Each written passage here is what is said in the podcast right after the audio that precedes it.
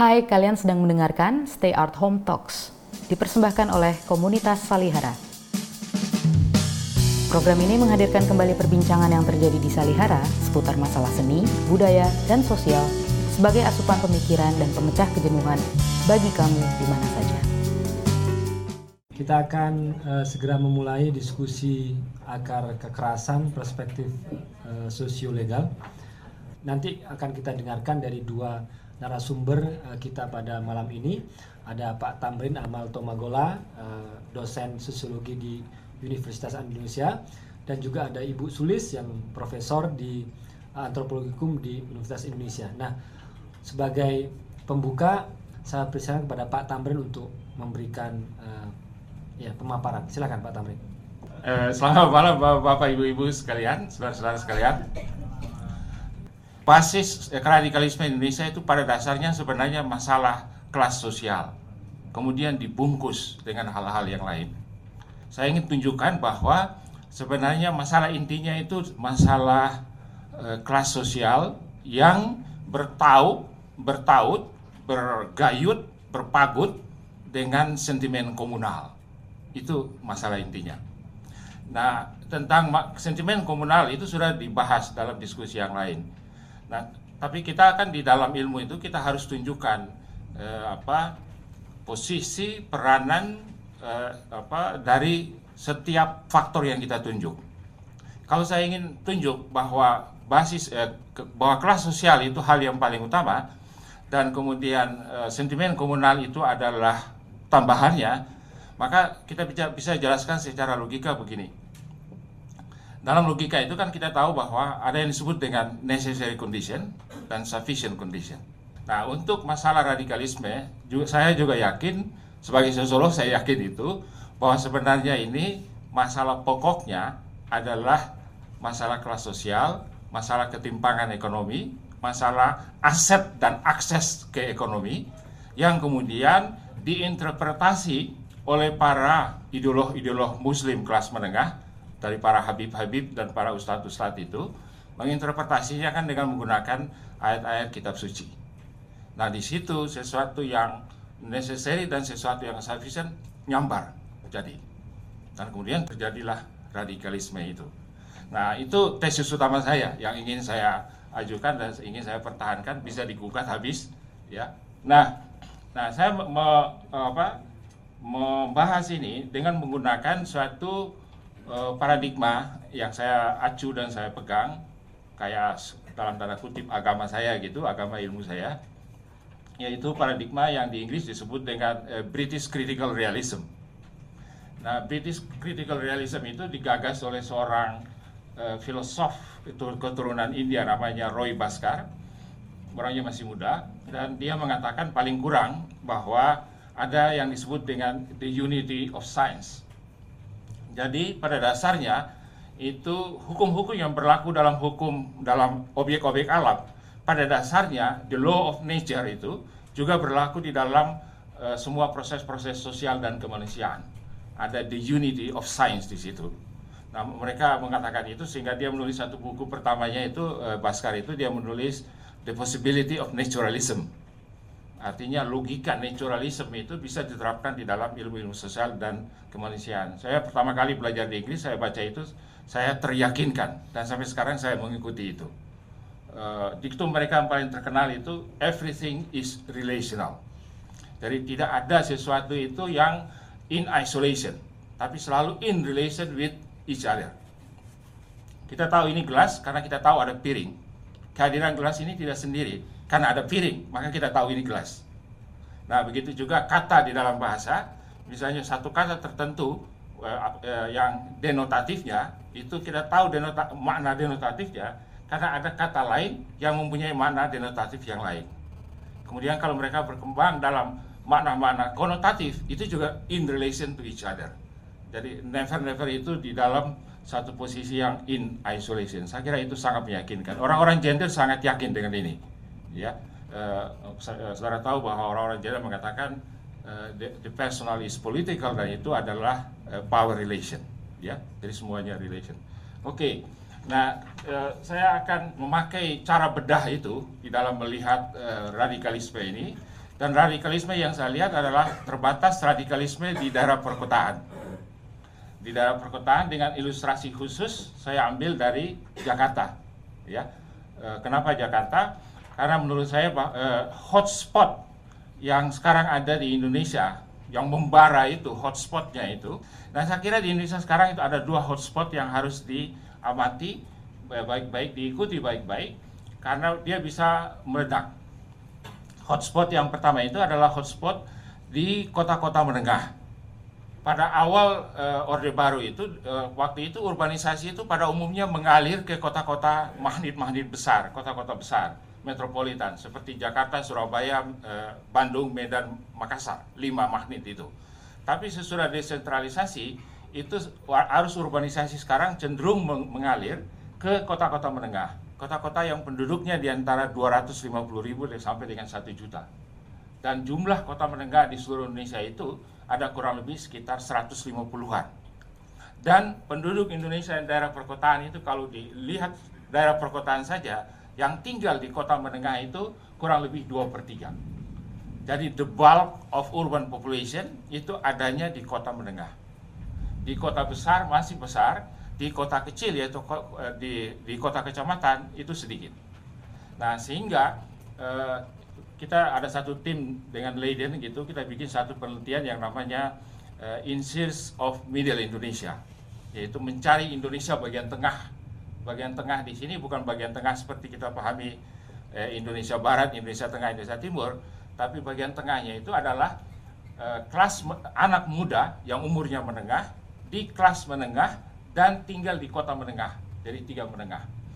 Nah, di dalam uh, penyelusuran uh, apa uh, Middle Indonesia itu, kita yakin dari uh, apa tim peneliti itu bahwa hari depan Indonesia itu akan ditentukan oleh apa-apa yang terjadi di kota menengah itu, yang 150-an itu. Karena di situ anak muda paling banyak, tiga perempat dari anak muda dari perkotaan itu adanya di situ. Dan kemudian mereka sedang mencari pekerjaan atau sekolah dan mereka kebanyakan dari kelas menengah yang sedang berusaha untuk mencari jalannya ke atas eh, social climbing itu. Dan kemudian eh, apa karena desentralisasi segala sesuatu itu memusat ke kota-kota menengah itu yang ibu kota kabupaten dan dan dan eh, kota-kota madya. Nah itu saya kira hotspot yang perlu dilihat karena di kota-kota menengah itu yang Eh, akan datang segala macam suku dan agama dari sekitarnya ke kota menengah itu dan numpuk di situ. Dan mereka akan mengulang kurang lebih sejarah dari Jakarta. Apa itu sejarah dari Jakarta? Penduduk Jakarta itu waktu migran pertama masuk ke Jakarta itu mereka ting bertempat tinggal berdasarkan asal daerah dan suku. Jadi ada kampung Bali, ada orang Bali semua situ, ada kampung Ambon, kampung Melayu, ya dan kampung Makassar dan seterusnya. Tapi sekarang di Jakarta itu kan sudah buyar itu oleh pembangunan ekonomi Orde Baru. Sekarang di Jakarta orang tidak lagi bertempat tinggal berdasarkan suku kan, kurang lebih. Tapi berdasarkan buying power. Punya duit banyak, pondok indah. Punya duit sedikit, eh punya duit menengah, pondok gede atau sejenis. Punya duit eh, tidak punya duit sedikit sekali, pondok derita. Jadi tinggal milih itu kalau di Jakarta itu sekarang. Itu logika ekonominya yang yang yang yang jalan kan. Nah di, di Pondok Derita itu itu e, kalau untuk Jakarta kasus Jakarta dan yang nanti akan saya masuk lebih dalam situ itu di, kemudian kita kenal dengan daerah kumis, kumuh miskin. Kumuh miskin di mana banyak miskot di situ, miskin kota. Nah, itu e, rumahnya rumahnya itu benar-benar rumah yang sangat sederhana. Itu S-nya bukan dua tuh, bukan rumah sangat sederhana, tapi S-nya tujuh. Rumah sangat-sangat sederhana sehingga sanggama saja susah. itu di Pondok Derita itu. Nah, penumpukan orang-orang miskot di daerah Kumis untuk Jakarta sampai hari ini masih terus berjalan. Nah, yang saya khawatirkan itu di kota menengah yang saya sebut 150-an itu, proses itu baru mulai. Dan dia saya kira akan memperlihatkan e, dinamika dan gesekan antara suku, antara agama, bukan main itu di, di, di, di kota menengah. Sehingga saya pikir e, 150-an kota ini hotspots yang harus diikuti, dicermati. Dan uh, saya niatkan dalam hati untuk mengikuti itu dengan segala macam data kuantitatif dan kualitatif itu harus diikuti karena itu saya pikir saya yakin itu masa depan Indonesia. Kemudian hotspot yang sudah lebih awal hadir dan sudah meledak itu adalah Jakarta dan Jawa Barat. Itu Jakarta dan Jawa Barat itu seperti sumbu besar yang ada di Indonesia ini. Dan sudah meledak ya karena penumbukan orang miskot di daerah Kumis di Jakarta terus berlangsung dan kemudian di Jawa Barat Jawa Barat itu kalau saudara lihat eh, saya kebetulan menulis tesis eh, master di NU itu tentang eh, saya membanding tingkat pendidikan Muslim Jawa Barat yang konservatif dengan Muslim Minangkabau yang progresif. Pertanyaan saya sederhana aja, kenapa ini dua komunitas dua-duanya Muslim, kok satu tingkat pendidikannya orang Minang itu di atas rata-rata nasional, Sedangkan tingkat pendidikan Muslim di, di Jawa Barat itu at the bottom of the sea, di dasar lautan, paling rendah. Terutama, terutama perempuan Sunda itu paling rendah di bawah. Ya dari seluruh tingkat pendidikan eh, apa eh, suku-suku itu. Tapi yang Minang paling tinggi baik laki maupun perempuan. Kenapa? Why? Nah saya kemudian me, me, me, apa, menyelusuri dan memperlihatkan eh, sebab-sebab uh, gitu uh, kenapa orang Minang gitu. Jadi di Jawa Barat ini ada suatu uh, tingkat pendidikan dari yang cukup rendah, kemudian uh, ada beberapa wilayah yang juga cukup miskin, dan kemudian uh, agama Islamnya itu agama yang konservatif agama Islam uh, apa uh, Muslim yang konservatif. Nah, uh, hasil pelacakan dari uh, International uh, apa uh, ICG International Crisis Group itu memperlihatkan bahwa memang betul ada upaya kristenisasi yang gencar di daerah Jawa Barat. Yang mengatakan itu ICG, saya pikir mereka punya data, mereka tidak sembarang ngomong. Nah, kalaupun misalnya saya seorang yang evangelis yang ingin menyebarkan agama saya, saya memang akan target Jawa Barat. Saya target Jawa Barat karena di situ eh, kerentanan dan keringkihan ekonomi sosial itu paling kuat di situ sangat rentan dan itu disentuh sedikit itu bisa bergoyang gitu. Nah karena itu eh, apa Jawa Barat dan Jakarta memang merupakan sumbu besar. Nah sumbu besar ini saya kira semua pihak harus berupaya untuk mencoba untuk eh, mencegah jangan sampai dia meledak. Kalau kalau kalau dia meledak dia merupakan satu sumbu besar yang apinya yang akan nanti akan terlempar ke semua arah dan kalau dia terlempar ke kota-kota menengah yang 150-an itu, itu sambung menyambung dari Merauke sampai Sabang itu akan terbakar semua itu. Nah, jadi uh, itu dua hotspot yang yang ingin saya uh, wanti-wanti gitu. Ini tanggal 23 uh, eh, saya diminta oleh PT IKA di Polri untuk uh, bicara tentang ini juga, tentang bagaimana menangkal radikalisme. Saya mau pingin kasih tahu eh, polisi juga bahwa coba bikin pemetaan yang sangat komprehensif terhadap hotspots ini. Karena kalau tidak ada pemetaan yang komprehensif terhadap hotspot, itu bisa berabe. Nah, apa itu pemetaan yang harus dilakukan? Yang pertama misalnya, eh, kita sudah tahu sebenarnya kalau dari segi kelas sosial, kelompok miskot yang di daerah Kumis itu tinggalnya kebanyakan di Jakarta Utara dan Jakarta Barat dan sedikit di Jakarta Pusat itu tumpukannya ada di situ. Itu uh, apa Urban Poor Consortium itu itu sudah melakukan pemetaan yang cukup bagus. Itu di situ. Nah, kalau itu di situ, coba saudara perhatikan di daerah situ di daerah Jakarta Utara, Jakarta Barat itu nyaris tidak hampir tidak ada pesantren. Yang paling banyak adalah masjid-masjid. Tapi coba kalau saudara lihat tiap hari Minggu atau hari libur, banyak itu bis-bis hijau atau bis-bis setan merah itu yang merah itu. Yang digelari sopir-sopir setan merah karena paling ngaco di Jakarta ini kan. Itu bis-bis itu. Itu itu bergerak dari Jakarta Utara, Jakarta Barat dan Jakarta Pusat. Menujunya ke mana? Ke Jakarta Timur dan Jakarta Selatan.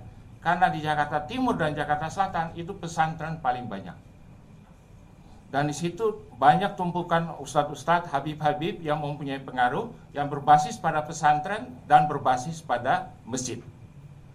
Nah, kalau bisa dipetakan itu eh, apa masjid-masjid dan eh, pesantren-pesantren itu dan tokoh-tokohnya, dulu saya ingat waktu almarhum Munir masih hidup kita pernah pergi ke Jawa Tengah menjelang 2004 itu pemilu 2004 kita berusaha untuk bikin pemetaan dai-dai provokator di Jawa di Jawa Tengah. Dan kita berhasil kita dapat itu. Jadi apa orang siapa itu dai-dai provokator di Jawa Tengah itu? Dan tinggalnya di mana dan suka uh, berkhotbah berdak berdakwanya di mana? Nah itu sebenarnya bisa dipetakan. Tapi kasihan polisi kita sampai sekarang tuh nggak pernah punya peta itu. Jangankan peta yang sangat jelimet kepada sampai ke toko-toko itu. Peta suku-suku yang ada di Jakarta aja uh, polisi itu tidak punya waktu terjadi keributan antara suku suku Madura dan suku uh, apa waktu itu Madura dan Betawi di dekat uh, apa lapangan terbang itu. Kemudian uh, kita uh, apa talk show di Metro itu ada uh, apa seorang polisi itu saya tanya punya uh, peta nggak tentang ini. Dia bilang tidak punya. Di, di tingkat Polres itu nggak punya. Itu kalau terjadi apa-apa punya peta tuh langsung polisi bisa tutup kan, sehingga tidak terjadi serang penyerang antara dua uh, dua kelompok itu. Tapi itu polisi tidak punya. Nah, saya kira peta itu harus dibuat karena saya eh, kita semua tahu kan bahwa sebenarnya eh, politisi dan pemimpin agama itu sebenarnya sama saja. Jadi kalau politisi dan pemimpin agama itu berselingkuh, ya itu memang selingkuh dari dua pihak yang mempunyai uh, sahwat yang sama. Yang punya sahwat yang sama. Apa sahwatnya? Sahwat kekuasaan. They all deal with power. Baik politisi maupun pemimpin agama. Coba saudara perhatikan uh, ada tiga persamaan kalau menurut saya antara pemimpin agama dan uh, uh, dan politisi itu. Pemimpin agama dan politisi mereka selalu selalu selalu risau secara kuantitatif, secara kuantitatif itu terhadap tiga hal. Pertama adalah jumlah anggotanya. Itu partai politik juga begitu. Banyak nggak, berkurang nggak, bertambah nggak dengan jumlah anggotanya, jumlah jamaah itu. Satu jamaah politik, satu jamaah agama. Itu satu eh, apa kerisauan kuantitatif pertama. Kerusa, keris, kerisauan kuantitatif kedua, dua-duanya sangat sibuk, sangat sibuk dan risau dengan jumlah perwakilannya di tiap daerah. Kalau orang parpol itu perwakilan dari parpol, dari partai politiknya, kalau orang pemimpin agama itu jumlah masjidnya. Karena masjid is the site of power. Gereja adalah the site of power. Face it. Akui saja itu. Dan jangan berpura-pura bahwa ini ah ini ada hubungan dengan Tuhan ini kita lagi mencoba untuk menghubungi Tuhan apakah Tuhan punya perencana begini begini. Eh, saya kira itu hanya banyak eh, kamuflase tapi yang jelas itu adalah the side of power. Di eh, gereja di, di Katolik sama dengan eh, di apa di gereja di masjid gitu. Nah jadi yang poin saya adalah bahwa eh, masjid dan eh, gereja dan dan sebagainya itu itu adalah eh, the side of power tempatnya power lokasinya power the locus of power itu Nah, kemudian kerisauan dua pihak itu yang ketiga yang sama itu adalah dua-duanya selalu selalu risau secara kuantitatif dengan banyaknya dana yang dimobilisir. Baik parpol maupun pemimpin agama. Oh, itu dua-duanya risau itu. Lihat itu kolektornya tuh tiap minggu itu berapa itu yang udah masuk gitu. Besi juga begitu, berapa itu yang udah masuk gitu. Itu selalu sibuk dengan itu. Nah, sehingga kalau dua pihak itu memang berselingkuh, yaitu memang satu eh, selingkuh perselingkuhan dari dua pihak yang punya sahabat yang sama, yaitu eh, eh, kekuasaan. Jadi, poin yang ingin saya eh, katakan adalah sebenarnya kita harus melakukan pemetaan itu baik-baik. Nah, miskot yang berkumpul di daerah kumis itu, mereka berkumpul bukan hanya semata-mata juga karena ketidakmampuan ekonomi, kemudian mereka di situ, tapi mereka berkumpul di situ itu juga karena ada tarikan-tarikan magnet-magnet sentimen komunal. Nah itu dua itu berpadu, ya. Jadi orang-orang Solo uh, yang banyak tukang bakso itu paling gampang dapat di daerah uh, Cijantung di belakang rumah sakit di Cijantung itu. Oh itu banyak sekali tukang-tukang bakso dan kalau saudara uh, lihat itu tukang-tukang bakso yang dari Solo. Saya tahu itu karena salah satu mahasiswa saya bikin skripsi tentang itu tahun lalu saya bikin penelitian di daerah Pademangan Barat. Di daerah Pademangan Barat waktu itu uh, saran penelitian dari Asia Foundation tentang uh, access to justice for the urban poor. Nah, kemudian saya bikin penelitian di di Pademangan Barat. Saya ketemukan di Pademangan Barat yang sebanyak kecil saja itu. Itu ada konsentrasi-konsentrasi miskin dan komunal. Jadi ada orang Flores satu tempat di situ, Katolik semua, kumpul di situ Kemudian ada Madura satu tempat pengusaha, pengusaha besi-besi tua itu, itu di satu tempat dan itu orang Madura semua. Kemudian ada orang Sunda di satu tempat, konsentrasi juga di Palembang Barat dan usaha mereka itu ada uh, adalah apa? Usaha uh, itu uh, mandi cuci MKC itu. Eh, MCK itu, mandi cuci kakus itu. Oh itu peng, uh, apa bisnis yang sangat uh, itu apa mendapatkan uang tiap hari di situ dan itu orang Sunda. Jadi orang bisa eh, eh bisa mandi di situ dan itu e, pembuangannya itu tidak masuk ke dalam tanah karena tidak bisa masuk ke dalam tanah itu. Ta tanahnya tidak tidak bisa menyerap. Jadi sebenarnya hanya disalurkan dibuang hanya dibuang ke, ke daerah Ancol itu. Jadi jangan terlalu sering mandi di Ancol itu. Itu dibuang ke Ancol dan tidak dimasukkan ke dalam itu tidak dimasukkan ke dalam tanah. Biasanya kita kan tanah kan jadi tanah serap. Tidak bisa. Karena itu dulu rawa dan dia tidak bisa menyerap dia akan kembali lagi ke atas jadi itu disalurkan dan saya uh, sangat kagum pada satu orang Sunda yang secara fisik itu sebenarnya sudah cacat, matanya sudah tidak bisa, ini kakinya juga sudah tidak bisa. Tapi pengusaha saya bilang brilian itu, dia melihat uh, pangsa ekonomi yang sangat bagus itu. Nah itu selalu ada hubungannya dengan suku dengan dengan suku tertentu. Nah kalau tiap tiap yang orang-orang miskot miskot dengan suku dan agama tertentu itu, kalau mereka berusaha sendiri-sendiri seperti di Pademangan Barat, orang Flores itu kebanyakan pegawai negeri dan kemudian banyak yang juga eh, penjaga-penjaga keamanan di tempat-tempat itu eh, ke apa hiburan itu uh, usahanya di situ. Kemudian orang uh, apa orang Madura itu uh, adalah barang-barang uh, bekas itu. Kemudian orang Sunda itu oh itu aman-aman saja karena mereka tidak berebut satu lahan uh, nafkah yang sama yang berabe kalau tiga, dua atau tiga suku dengan agama yang berbeda kemudian mereka berebut dari satu lahan yang sama. Itu yang eh, yang yang yang sangat berbahaya. Nah, jadi kalau kita misalnya kita sudah punya satu peta yang komprehensif tentang distribusi dari suku dengan agama dan kemudian dengan tingkat kelas sosialnya, apakah kelas sosialnya itu kelas sosial bawah, kelas sosial menengah atau kelas sosial atas, kemudian ditambah dengan suatu pemetaan ter, e, tentang pesantren, masjid dan kemudian tokoh-tokoh yang dikenal sebagai eh, apa tokoh-tokoh provokator itu. Nah, saya kira kita punya satu alat yang sangat ampuh untuk mem, eh, membuat reaksi pertama yang eh, apa yang yang yang yang cepat, ya. Saya ingin menjelaskan model, model teoritik tentang eh, piramida struktur sosial.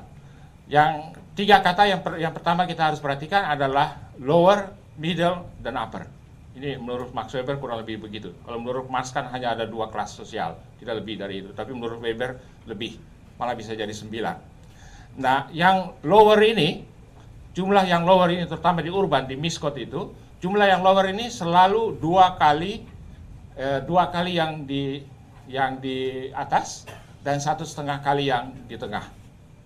Jumlahnya secara proporsional selalu begitu. Yang yang bawah ini. Nah, kemudian dalam setiap uh, lapis itu itu dibagi lagi tiga. Jadi lower lower, middle lower dan dan dan upper lower. Selalu uh, rumusnya uh, rule of thumb-nya itu adalah yang paling bawah itu selalu dua kali yang paling atas dan satu setengah kali yang di tengah. Ya, uh, kurang lebih yang yang tengah yang middle ini juga satu setengah kali yang yang di atas. Begitu seterusnya dibagi sampai yang ke kelas menengah juga begitu lower middle middle middle upper middle dan seterusnya ke atas. Nah pembengkakan miskot di daerah kumis penumpukan miskot di daerah kumis dan pembengkakan kelas menengah. Yang lapis mana dari kelas menengah yang membengkak? Ya. Nah jadi di lower sini itu yang paling banyak membengkak itu adalah yang lower lower itu kalau air itu dia udah lewat hidung jadi walaupun bergerak begitu udah susah untuk naik. Udah di sini, udah udah udah uh, udah lewat hidung. Jadi mereka sudah terperangkap di situ di dalam uh, kumis orang-orang miskot yang kumis itu sudah terperangkap di situ. Dan jumlah mereka dari hasil kelahiran, perkawinan dan kelahiran terus bertambah. Dan saudara tahu bahwa kelompok yang di bawah itu pertambahannya itu kan seperti kelinci kan. Anaknya paling banyak dan pertambahannya banyak. Nah, kemudian pertambah sumber pertambahan kedua dari miskot yang paling bawah ini adalah dari orang-orang miskin di sekit, dari sekitar Jabodetabek yang datang dari Jawa Barat. Nah, Jakarta ini kan praktisnya ada dalam wilayah Jawa Barat. Sehingga yang datang miskin-miskin itu cepat-cepat datang ke daerah eh, apa Jakarta dan kebanyakan yang datang itu yang tulak tiap hari itu itu yang tulak itu adalah perempuan-perempuan. Jadi sudah menjadi suatu temuan yang kurang lebih universal gitu bahwa migran jarak dekat itu selalu perempuan dan selalu perempuan miskin karena mereka tidak bisa membayar uang untuk akomodasi di dalam kota. Jadi mereka tidak bisa tinggal, mereka harus balik lagi malamnya, kemudian datang lagi paginya, kemudian pulang lagi malamnya karena tidak punya uang untuk itu. Nah, kemudian yang middle lower ini sebenarnya jumlahnya menjadi makin sedikit sebenarnya middle lower ini karena sebagian dari mereka oleh pembangunan Orde Baru juga ada yang kecibratan si apa apa remah-remah roti dari Soeharto itu. Mereka sebenarnya jumlah di sini itu makin banyak yang bergeser ke upper lower. Sehingga di sini sebenarnya kurang lebih eh, apa tidak terlalu bertambah dengan banyak dan juga ada kecenderungan juga anaknya yang tidak terlalu banyak dibanding dengan yang lower class. Kemudian yang upper lower itu lebih lagi dapat berkah yang cukup banyak dan ini ini orang-orang yang uh, apa pegawai negeri golongan 3A, 3B, 3C yang kecil itu dan kemudian mereka dari sini mereka naik ke lower middle, masuk ke middle class tapi yang lower middle. Nah, orang-orang yang nanti saya, uh, saya akan tunjuk yang upper lower dan lower middle, orang-orang inilah yang sebenarnya merupakan inti dari pasukan motor di Jakarta. Motor yang beribu-ribu itu. Itu dari kelompok ini. Dari kelompok upper lower dan lower middle. Nah, ciri mereka adalah mereka punya rumah hanya satu kamar, semuanya di situ ada, ada tempat tidur di situ, ada dapur di situ, ada ada meja di situ, ya. Kemudian di di dinding itu biasanya ditaruh motor yang hanya satu atau gerobak yang didorong untuk jualan di situ. Nah, mereka itulah yang sebenarnya merupakan uh, penggerak dari kehidupan di Jakarta ini. Di tangan mereka itu banyak pelayanan-pelayanan dasar di Jakarta ini mereka yang yang yang lakukan ini. Di, jadi uh, middle lower, middle lower, upper lower dan sebenarnya tiga ini low, lower middle. Nah, orang-orang di sini yang menghadapi uh, apa tekanan ekonomi dan sengitnya persaingan dalam ekonomi, dalam pekerjaan, dalam pendidikan, itu kemudian banyak yang sebenarnya tidak bisa menjelaskan kenapa kok kita bisa jadi begini, kenapa kok kita hidupnya sesulit ini. Nah pada saat mereka mencari penjelasan-penjelasan itu, datanglah kelompok dari middle-middle yang kebanyakan Muslim terdidik, terdidiknya tanggung, ya. Jadi Jadi ya ada yang universitas tapi sedikit, tapi lebih banyak tingkat eh, menengah gitu, menengah atas gitu. Nah mereka inilah yang mempunyai kepedulian karena memang ada ajaran Islam yang peduli terhadap orang yang miskin. Ya, Bung Karno sendiri bilang bahwa surga itu di rumah orang miskin. Ya, dan mereka punya kepedulian dan mereka sambangin orang-orang yang di bawah ini, middle lower ini dan dan upper lower. Tapi mereka tidak pernah sampai ke lower lower yang lower-lower ini mau benar-benar dibiarkan sendiri. Oleh pemerintah juga dibiarkan sendiri. Mau mati, mau mati, mau hidup, mau hidup, biarin aja itu. Tapi yang yang middle lower, upper lower ini, itu orang-orang middle ini banyak yang nyambangi ke bawah. Nah, LSM dari kelompok sekuler jarang yang ke situ. LSM yang sekuler jarang yang ke situ. Dan kemudian ormas-ormas uh, yang besar NU dan Muhammadiyah juga tidak lagi mengurus yang middle lower dan lower lower ini. Karena organisasi yang besar itu Muhammadiyah dan NU lebih sibuk dengan mengurus high politics tingkat atas di Jakarta atau pergi di interfaith dialogue. Interfaith dialogue. Nah, akhirnya yang mengurusi ini adalah Habib-Habib dan Ustadz yang punya usaha-usaha mebel dan bangunan yang kecil-kecil itu. Usaha-usaha mebel dan bangunan yang kecil-kecil itu. Mereka yang ngurusin. Dan kemudian ada ketergantungan ekonomi, finansial, dan juga spiritual dan sosial dari kelompok ini kepada kelompok middle-middle ini. Kalau butuh uang cash, ya 25 ribu, 10 ribu, bisa minta sama Habib. Habib bilang pintunya terbuka 24 jam. Kasih aja itu kan investasi kan sebenarnya ya karena karena pengikut itu yang bisa sewaktu-waktu itu bisa digerakkan kalau but, kalau bingung menghadapi meng, apa menghadapi bagaimana anak sekolah bisa minta tolong Habib karena Habib punya jaringan di tingkat itu untuk masuk ke sekolah-sekolah tertentu atau pekerjaan tertentu. Kalau anaknya bermasalah secara hukum, itu Habib juga punya jaringan di kelangan aparatur negara. Nah, ini orang yang orang dari middle-middle ini benar-benar melayani orang di bawah di sini. Dan kemudian ada ketergantungan yang tinggi. Kalau sewaktu-waktu Habib-Habib itu butuh masa, sangat mudah untuk menggerakkan. Ya, di daerah Cawang sini, di Cawang situ yang dekat Ciliung di bawah itu, itu juga penuh dengan kelompok itu, Miskot dan Kumis yang peliharaannya eh, Habib-Habib dan eh, dan Ustadz di situ. Jadi yang ingin saya katakan adalah kelas menengah sekuler melupakan rakyat yang itu. Ormas agama juga melupakan yang itu. Akhirnya kemudian memang digarap oleh eh, Habib-Habib itu yang dari middle ini. Habib yang paling terkenal itu waktu dia pulang dari Madinah 9 tahun yang lalu itu buku pertama yang dia tulis itu apa? Satu manual praktis bagaimana memanfaatkan kiai kampung untuk menegakkan syariat Islam dan itu buku pedoman manual. Mana ada orang-orang dari kita yang pluralis itu yang bikin buku pegangan manual untuk kelompok-kelompok itu? Gak ada kan? Nggak ada kan? Kita nggak bikin itu. Jadi kita melalaikan satu kewajiban sebenarnya, satu tugas yang kemudian diambil alih oleh itu. Nah di kalangan mahasiswa juga sama. Itu perkumpulan-perkumpulan mahasiswa. Sampai sekarang saya masih lihat. Waktu saya waktu 10 tahun waktu reformasi itu saya sering lihat anak-anak UI ya perempuan-perempuan mengelilingi satu orang senior dengan buku di tepi danau di UI itu. Dan kemudian saya keliling, saya lihat apa sebenarnya. Saya pura-pura main sama cucu saya di situ, tapi telinga saya saya pasang di sana. ini apa ini? Ternyata itu adalah kelompok-kelompok diskusi kecil membahas tentang satu ajaran agama tertentu dan ada senior yang menuntun, yang nenter. Dan ke, apa kepatuhan dan ketaatan yang sama senior itu bukan main.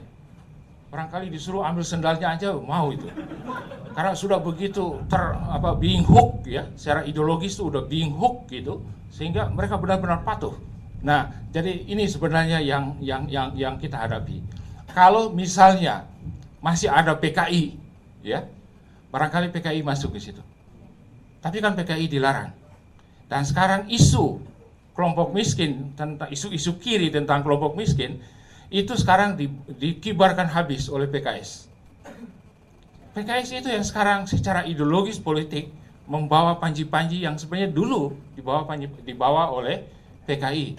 Karena itu saya bilang sama Fedi, saya nggak heran.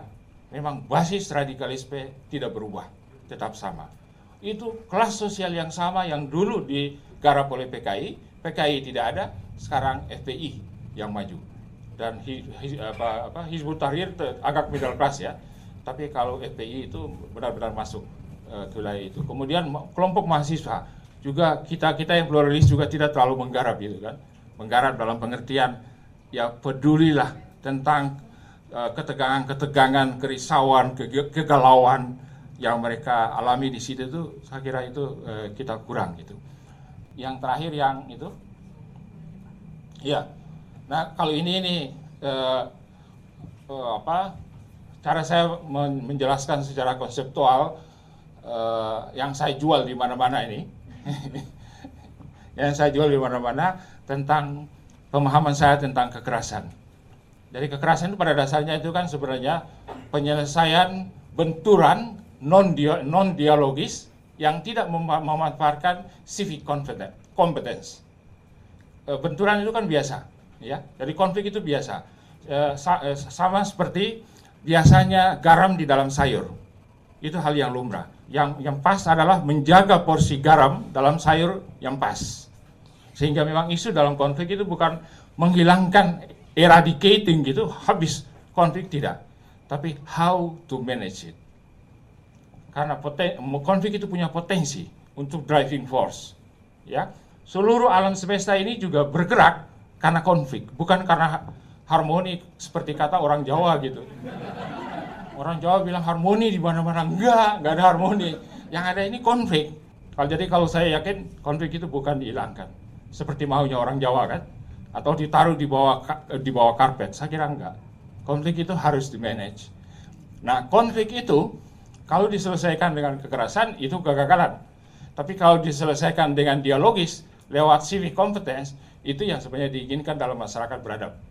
Nah, kalau gagal maka kekerasan terjadi dan kekerasan itu sebenarnya saya bedakan dua.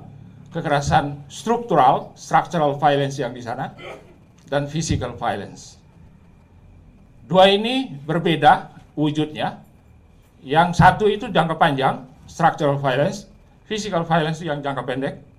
Dampak dari structural violence tidak bisa langsung kita lihat, dampak dampak dari physical violence langsung bisa kita lihat.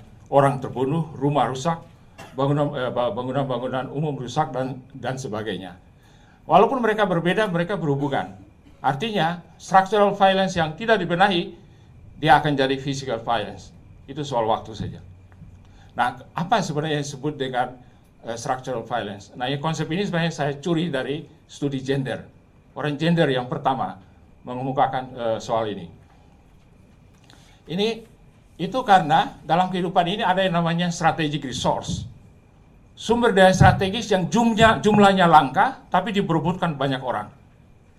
Sekali waktu kalau satu pihak tertentu sudah menguasai dan mengangkangi satu strategic resource tertentu, maka pihak lain dilarang masuk. Di pintunya ditulis no entry. Oh, entry-nya hilang nih. Kok cuma ada no ini. Artinya pihak lain tidak boleh masuk.